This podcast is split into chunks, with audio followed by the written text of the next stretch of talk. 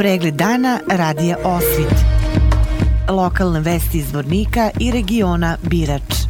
U ponedeljak predstavnici komunalne policije održat će predavanje za učenike prvih i šestih razreda osnovne škole Sveti Sava u Zvorniku i time će zvanično započeti ovogodišnji april, mesec čistoće. Nakon toga biće organizovana prezentacija u svim centralnim osnovnim školama i vrtićima na području Zvornika. Grad Zvornik će obeležiti april, mesec čistoće brojnim aktivnostima planiranim u saradnji sa institucijama, preduzećima i udruženjima građana. Čišćenje gradske kapije na ulazu u Zvornik iz pravca Divića biće realizovano sa planinarskim udruženjima Korak i Mladost i preduzećem AD Vodovodi komunalije. U gradu će biti urađeno dodatno ozelenjavanje, a na šetalištu na Drini biće zamenjene kante za smeće.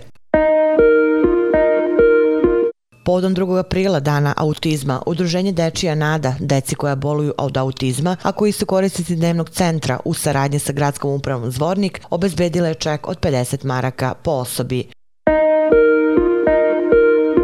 Prema odluci vlade Republike Srpske o isplati finansijskih sredstava nerazvijenim i izuzetno nerazvijenim jedinicama lokalne samouprave u iznosu od 750.000 maraka nalaze se između ostalih Srebrenica i Bratunac. Finansijska sredstva biće isplaćena za 15 jedinica lokalne samouprave koje imaju status nerazvijenih opština, među kojima i Bratunac i Vlasenica, i za 20 jedinica lokalne samouprave koje imaju status izuzetno nerazvijene opštine u koje spadaju Osmaci, Srebrenica i Šekovići. Ova odluka odnosi se na prva tri meseca ove godine dok dok je budžetom planirano ukupno 3,3 miliona maraka za pomoć nerazvijenim opštinama. Dečiji vrtić Poletarac Srebrenica i Narodna biblioteka Srebrenica pokrenuli su akciju prikupljanja knjiga za biblioteku u Srebreničkom vrtiću. Iz biblioteke ističu da ova ustanova ima izuzetnu saradnju sa svim obrazovnim institucijama u ovoj opštini, a posebno sa vrtićem i školom sa kojima se zajedno radi na promociji čitanja i kulturi posvećivanja biblioteci sa kojom se deca upoznaju još u vrtiću. Akcije počinje 4. aprila i traje do 4. maja, a svi koji žele da doniraju knjige mogu to da učine u prostorijama vrtića ili biblioteke.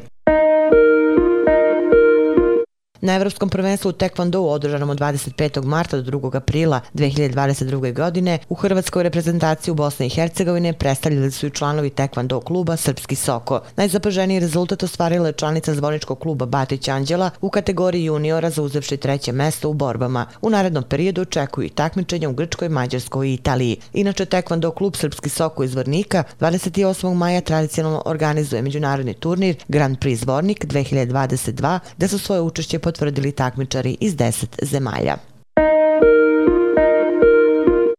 Vesti iz Loznice. Ko redovno prolazi pored gradilišta novog futbolskog stadiona na Lagatoru u Loznici, već zna koliko je porastao ovaj sportski objekat, a oni koji to ređe čine iznenada se kada vide dokle se odmaklo sa radovima. Obrisi budućeg izgleda su već jasno vidljivi, severna i zapadna tribina su prepoznatljive, pa je već sada jasno da će to biti reprezentativan stadion urađen po UEFA 4 standardima. Opširnije o ovoj priči na sajtu lozničkenovosti.com. Pregled dana radija Osvit. Lokalne vesti iz Vornika i regiona Birač.